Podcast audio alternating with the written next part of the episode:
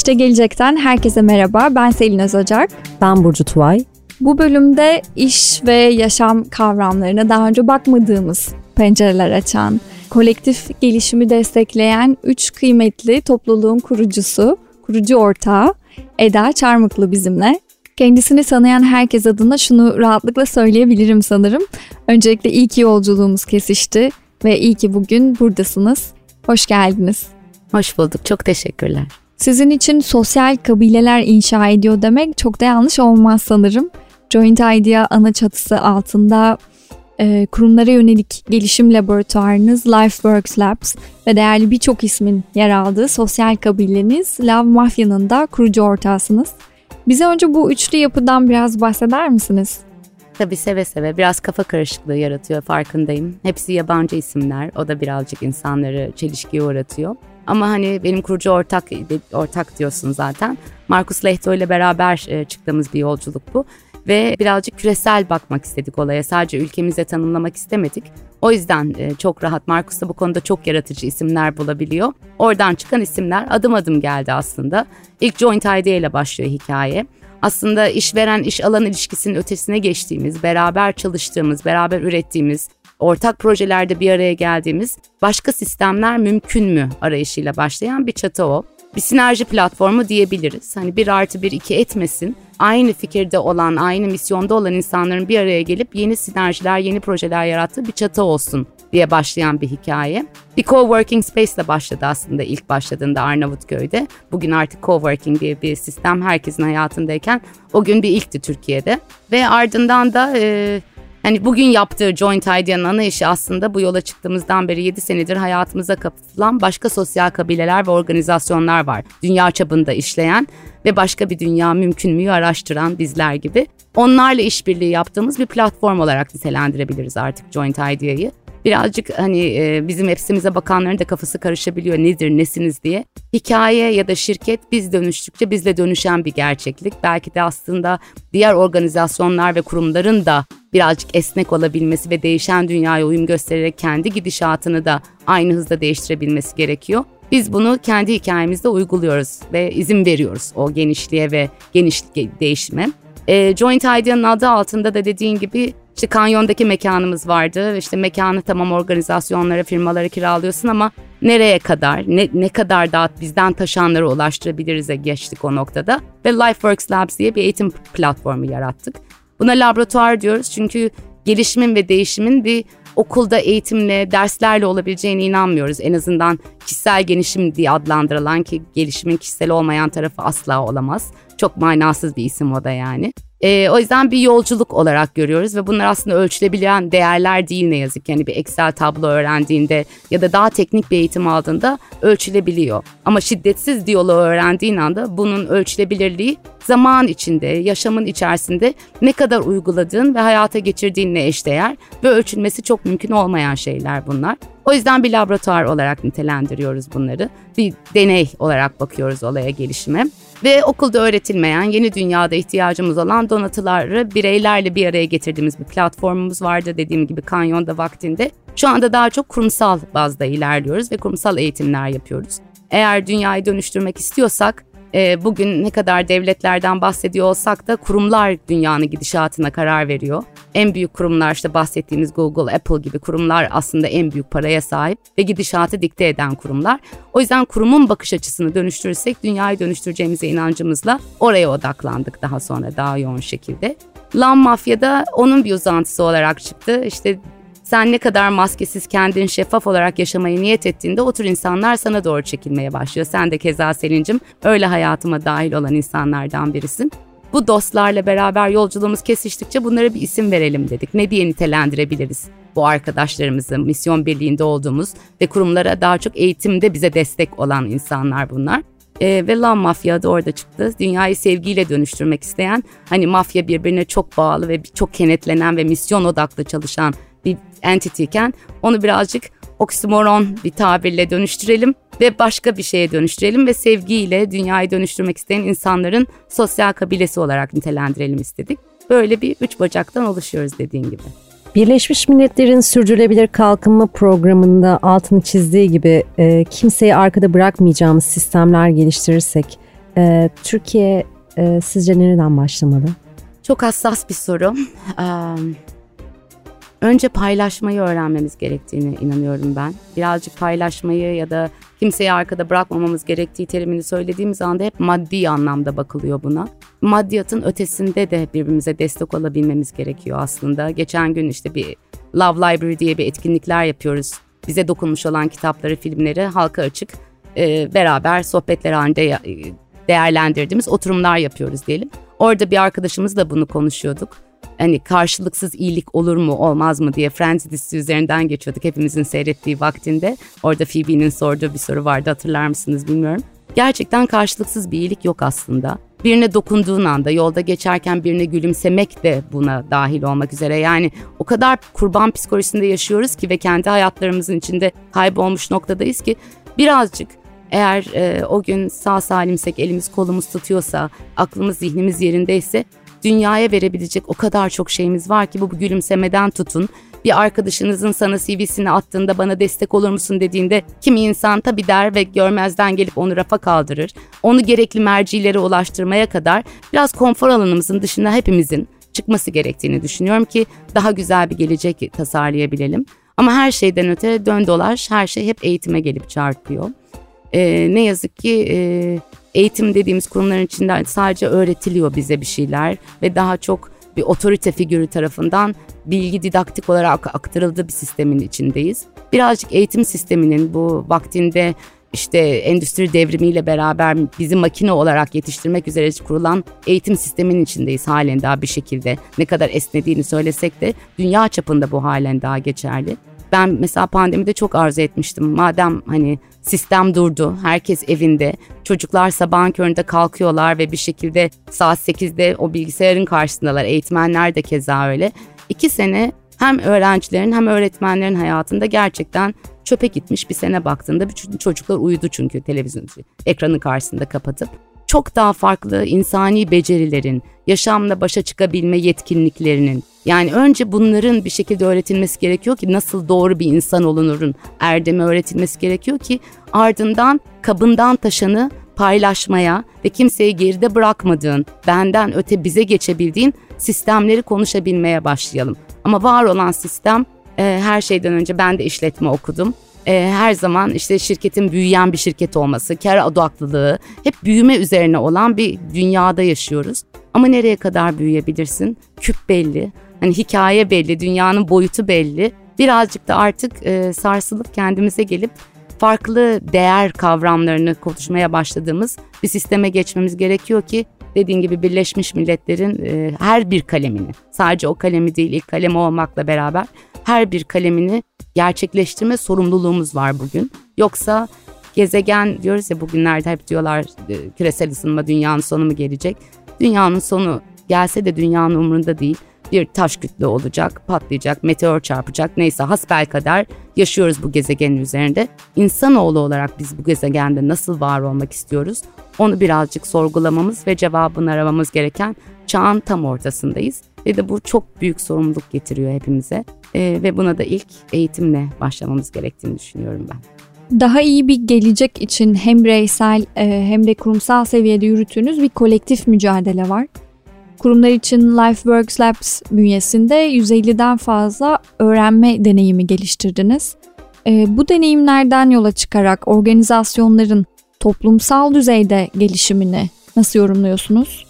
Bir kere organizasyonlar bireylerden oluşuyor. Yani en önemli bilgi o. Hep organizasyon deyip kurumu suçluyoruz ama birey dönüşürse kurum dönüşür ve organizasyonun kendi yapısı da dönüşür. Birazcık tabii ki kurum büyüdükçe esnekliği azalıyor. Yani pandemide de bunu gördük ne yazık ki. Değişen dünyaya uyum süreci çok zor olmaya başlıyor o noktada. Bence birazcık ilişkilerimize bakıyor olmamız lazım kurum içerisinde ve işbirliği tanımını gerçekten organizasyonların kendi üstlerine giymesi gerekiyor. İş alan, işveren bakış açısını dönüştürmemiz gerekiyor organizasyonlarda. Ee, sonuçta e, hepsi senin stakeholder'ın, paydaşların bir şekilde, çalışanların en önde ve onların aileleri. Hani o kadar çok dokunabileceğin bir jenerasyonlar boyunca dokunabileceğin bir insan kütlesi var ki organizasyon dediğinde bu çok büyük bir sorumluluk getiriyor tekrar. Dünyayı dönüştürmek istiyorlarsa oradaki dokundukları insanlara dokunuş şekillerini, işleyiş şekillerini, varoluş sebeplerini, neye hizmet ettiklerini tekrar bir sorgulamaları gerekiyor organizasyonların. Ee, geçenlerde işte ben bu sıralar her an kendi gelişimimi ve eğitimime de devamlı özen gösteriyorum ve hep yeni bir şeyler ekliyorum. Hani olmadık pişmedik hala bedendeysek gidecek çok yolumuz vardır. Ee, sevgili İrem Orhon'la bir yolculuktan geçiyorum mucizeler kursunda. Orada o bahsetmişti gelecek geçmişin yansımasıdır diye. Ve geçmişi serbest bırakmazsak geleceği dönüştürmemiz mümkün değil. Ne yazık ki organizasyonlar o kadar rigid, o kadar sert yapılar ki böyle geldi, böyle giderden vazgeçmekte çok zorlanıyorlar. Halbuki böyle geldi ama böyle gitmez ve bunu hepimiz birlikte görüyoruz şu anda. Bütün dünya kolektif olarak gördüğümüz bir gerçek bu. Birazcık bildiklerimizi unutup hani unlearn diye bir terim var son yıllarda çıktı. Bildiklerimizi unutup işleyiş şekillerini unutup senle biraz önce de konuşuyorduk. Hani kimileri hibrit yapıyı kabul etti, kimileri edemiyor gibi dinamikler değişiyor ve o dinamiklere ayak uydururken yaratıcı çözümlerle ve amaç birliğinde kurum çalışanlarına ortak amaç para kazanmanın ötesinde neye hizmet ediyoruz amaç birliğinde buluşturmaları gerekiyor organizasyonların devamlılıklarını sağlayabilmeleri için. Yeni jenerasyon bunu talep ediyor zaten. Üstel insan e, kavramını, tabirini ilk sizden duyduk. Bunu biraz açar mısınız? Neyi ifade ediyor? Nedir üstel insan? Evet, bu da Marcus'un yarattığı terimlerden biriydi. Haklısın. Üstel teknolojiyi konuştuğumuz çağda aslında üstel insan kavramını biz ortaya çıkarttık. Her an elimizdeki bilgi telefon kendini upgrade ediyor. Biz ellesek de ellemesek de günde 2-3 defa bile kendini güncellediği, bütün içindeki datayı, bilgileri, işleyiş modelini güncellediği bir sistem var. Ama biz insan olarak kendimizi güncellemeyi birazcık geride bıraktık geçmiş çağlarda baktığımızda. Üstel insan aslında kendini her gün güncelleyen, yaşama bakış açısını, yargılarını, kendi algısını her gün dönüştürmeye niyet etmiş varlık olarak nitelendiriyoruz. Bunu Gal Sasson izliyor musunuz bilmiyorum. Ben çok severek izlediğim bir astrolog kendisi. Reincarnation without dying diye nitelendiriyor. Yani ölmeden yaşam içinde ölmek. Birazcık ölüp küllerimizden tekrar doğmamız gerekiyor. Yaşam bunu zaten getiriyor bir şekilde hayatta olanlar bize zarar vermek için olmuyor aslında. Bizim gelişimize hizmet etmek için oluyor. O bakış açısından baktığında gelen zorluktan ne öğreneceğim, nerede gelişeceğim ve yeni bir varlık olarak nasıl yaşama geri döneceğime bakmamız gerekiyor. Üstel insan devamlı bunları sorgulayan varlık demek. Niye buradayım? Ben e, neye hizmet ediyorum? Benim yetkinliklerim nedir? Parmak izim niye farklı diğerlerinden ve hiçbirimizin parmak izi aynı değil. Hepimizin yani benden bir tane daha yok bu dünyada. Hiçbir türlü bu hikayeyi yaşamış, yaşamı böyle algılayan, benim gibi olan bir varlık yok. Ben ne değer katabilirim? Aslında biraz 9-6 çalıştığımız sistemin içerisinde baktığımızda para kazanmak üzere çalışılan bir yaşam modelinle formatlandık hepimiz. Ne yazık ki ben ne değer katarımın ötesinde ben ne alacağım şirketten daha çok bizim jenerasyonumuza dair söyleyeyim. Yeni jenerasyon çok daha farklı yaklaşabiliyor burada. Birazcık benim değerim nedir ve ben ne değer katarım ve şirketin amacıyla, topluma bütüne küresele katacağı amaçla bizim benim uyuştuğum yer neresi ve nerede işleyebilir mi sorguladığı bir varlık olarak görüyoruz biz üstel insanı. Her an değişen, dönüşen ve gelişime açık bir varlık diyelim. Artık çağımızda başarılı bir profesyonel, başarılı bir iş insanı tanımı ve örneklerimiz de dönüşüme uğruyor. Bu yeni dünya düzeninde siz bu tanımı nasıl yapıyorsunuz? Dediğim gibi bütün tanımlar dönüşüyor. Başarı kelimesinin anlamı dönüşüyor. Güç kelimesinin anlamı dönüşüyor. Ben kendi içimde de çok savaştım o terimlerle. Yalan değil çünkü gördüğümüz güçlü ve başarılı insan tanımı çok farklıydı bizlere öğretilen. Ee, yeni başarılı iş insanı bence kırılganlıklarını tamamen kapsayan ve kabul eden bir varlık. Onları saklayan bir varlık değil. Maskelerinden arınmış olan bir varlık. Çünkü hepimizin bin bir çeşit maskelerle yaşadığımız bir gerçeklik var dünyada. Birazcık hani maskelerden arınıp ben buyum, o onu ortaya koyabilen bir varlık. Kendini kutlayan, insan insanlığını kutlayan bir varlık bence. Samimi ve içten kesinlikle. Dürüst, güvenebilen, babana bile güvenme diyen bir toplumda yetişen bizler için güven kavramı çok hassas bir kavram yaşama, kendi bilgilerine, yetkinliklerine ve bulunduğu topluluğun işleyişine, amacına güvenmesi gerekiyor o liderin, başarılı bir insanın. Çalışanlarına kıymet ve değer verebilmesi gerekiyor ve buna cesaret gösterebilmesi gerekiyor. Aslında cesaret en önemli kelime bence orada. Ee, yani bu baktığımızda işte Map of Consciousness diye bir şey var. bizim bilinç haritamıza bakmışlar. Cesaret üst düzey, üst frekans da işleyebilmemiz için ilk adım. Cesareti attığımız anda yaşama herkes böyle işliyor. O yüzden ben de böyle bir lider olacağım. Öğrendiğim şekil bu. Başarı ve güç kavramı bu durun ötesinde cesaretle farklı bir yerden bakmaya adım attığımız yerde olması baş gerekiyor bence. İşbirlikçi olması gerekiyor sözlerinde kesinlikle özenli ve sevgi lisanını yaşamına katmış, karşısına geri bildirimini ve fakatla mümkünse e, yani önce karşındakinin erdemli ve güzel yönlerini söyleyip ardından yapacağı yorumları yapan bir birey olması gerekiyor. Dinleyebilmesi gerekiyor. Ne yazık ki hepimiz kendi hikayemizi ve kendi zihnimizdekini aktarmaya daha çok takığız. Geleceğin liderlerinin çok iyi dinleyiciler olması gerekiyor ve bir amaç üzerine bir ortak bir amaç kurum bazında, bireyler bazında kendinden öte, kazanmaktan öte bir amaca hizmet etmesi gerekiyor. Dünyayı unutmaması gerekiyor işlerken. Ben yaptığım işle dünyaya ne kadar zarar veriyorum ve nasıl bir katkı sağlıyorum muhakkak değerlendirmesi gerekiyor. Ee, yine çok önemli bir şey bu da hepimizin 24 saati var. Hepimizin aslında pandemi de bu gerçekliği hepimize hatırlattı. Hepimiz eşitiz bazı şeylerde. O 24 saatimizi neye harcıyoruz? Zamanımızı ve dikkatimizi, özenimizi neye veriyoruz ha? İşte orada amaç tekrar devreye giriyor. Başarılı lider bunu çok özenle seçen varlık olacak bence. İş yaşam dengesi çok konuştuğumuz bir konuydu son yıllarda. Artık öyle bir yere geldik ki hele bu e, dediğin gibi hani evle e, ofisin bir araya geldiği yeni sistemlerde de aslında işin yaşamın yaşamında işin olduğu bir gerçeklikteyiz. Eğer gerçekten severek yaptığın, inandığın, amaçta örtüştüğün bir işin varsa işin yaşamın, yaşamında işin oluyor. Ve başarılı bir liderde bence o çizgi çok sert bir şekilde artık ayrılmıyor. Eskiden olduğu gibi hani kapıyı kapattım, ofisi kapattım ve evime girdim diye bir gerçeklik yok orada. Ve mümkünse de artık ego sistemden ekosisteme geçmiş olan kendinden öte, kendi kazançlarından ve kendi gerçekliğinden ya da kendi başarısından öte ekosistemi, bütün var olduğu kaydaşları da beraber alıp kaldırdığı ve yükselttiği bir sisteme geçilmesi gerekiyor başarılı lider kavramında. Ee, az önce dönüşümden bahsettiniz. Ee, yeni jenerasyonun farklı taleplerinden bahsettiniz. Şimdi bizi buraya kadar getiren kurumsal düzen gitmek istediğimiz yere götürmeyecek. Orası kesin. Ee, bir şeylerin değişmesi gerekliliği kesin. Ve yarattığınız üç toplulukta bunun için çalışıyor. Sizce küresel ölçekte organizasyonlar bu dönüşüme nasıl adapte olmalı? Yani ne haddime diyeceğim. Hani nereden bilebilirim? Ama hani kendi içime doğanları seve seve paylaşabilirim. Ee, senin de bahsettiğin gibi daha önce Birleşmiş Milletler'in sürdürülebilir kalkınma programına dair sürdürülebilirlik en önemli kelime. Ama ne yazık ki bütün kelimeleri çok fazla kullandığımızda içini boşaltmaya başlıyoruz. Sürdürülebilirliği şu anda çoğu firma hani greenwashing kelimesini çok kullanılan kelimelerden biri oldu ama gösterge için yapmıyor olmamız lazım. Evet tamam karbon ayak izi çok önemli ama onun ötesinde sürdürülebilir bir birey olmak nedir?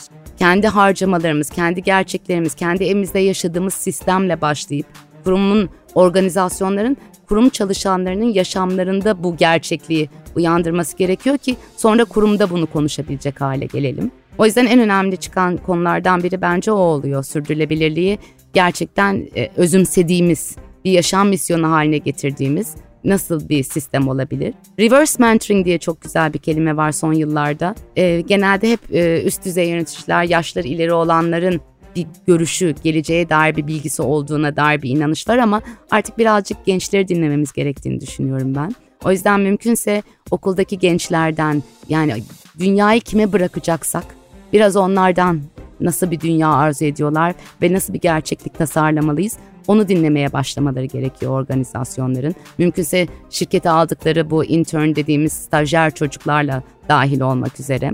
Ve birazcık da birleştirici söyleme geçmemiz gerekiyor sanki kurumlar ve organizasyonlar başın, bazında.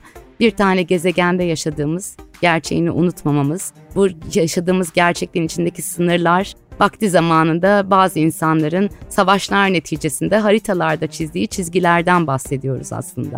Ülke dediğimiz kavramlarda, para dediğimiz kavramlarda insanoğlunun yarattığı kavramlar ve bunlar dönüşmez kavramlar değil. Ee, ben birazcık o inançta olmalarını organizasyonların ve daha birleştirici, daha dünyayı bir bütün olarak gören ve o noktada da kimseyi arkada bırakmadığımız sistemleri yaratabilecek gücün organizasyonlarda, kurumlarda olduğu gerçekliğiyle, o bilinçle işleyebilmelerini diliyorum.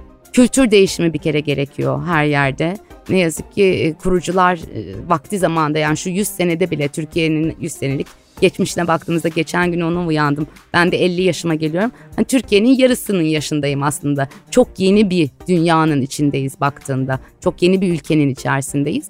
Ama ne kadar çok değişim oldu. Ne kadar yani babamların çağında ya da dedelerimizin çağından bugüne kadar şu an geldiğimiz gerçeklik ne kadar farklı. O yüzden bir kültür değişimi artık gerekiyor. Onlardan aldığımız erdemleri tutmakla beraber çok esnek bir yapıda olup hızlıca kültürümüzü yeni çağa, yeni gerçekliğe uydurmamız gerekiyor organizasyonlarda. Ve daha da önce de dediğim gibi artık ekosistem, ben, benim firmam, benim gerçekliğim, benim bilgim ve bilgiyi saklamak gibi şeyleri açıp dünyanın dönüşümüne fayda sağlayacak her türlü bilginin herkese açık olduğu bir sisteme geçmemiz gerekiyor ki oradan aldığı bilgiyi başka bir taraf inovasyonla kullansın ve yeni bir çözüm getirsin. Çünkü benim ötesinde bir gezegeni koruma derdindeyiz ve gezegendeki varlığımızı sürdürme derdindeyiz bugün artık. Birazcık o taraftan bakmaları gerektiğini düşünüyorum. Ve dediğim gibi de hissedarların maksimize ettiği karların ötesinde hissedarlar için çalışmanın ötesinde paydaşların sistemine geçmemiz gerekiyor. Çok teşekkür ederiz Eda Hanım. İyi ki geldiniz. Dilerim bu sohbet e, kurumlara, bireylere kimseyi geride bırakmadığımız bir gelecek için, bir dünya için ilham olsun. Çok çok teşekkür ederim benden sözlenenlere alan açtığınız için. İnşallah bir kişiye bile olsa dokunma imkanı edinmişizdir. Çok mersi.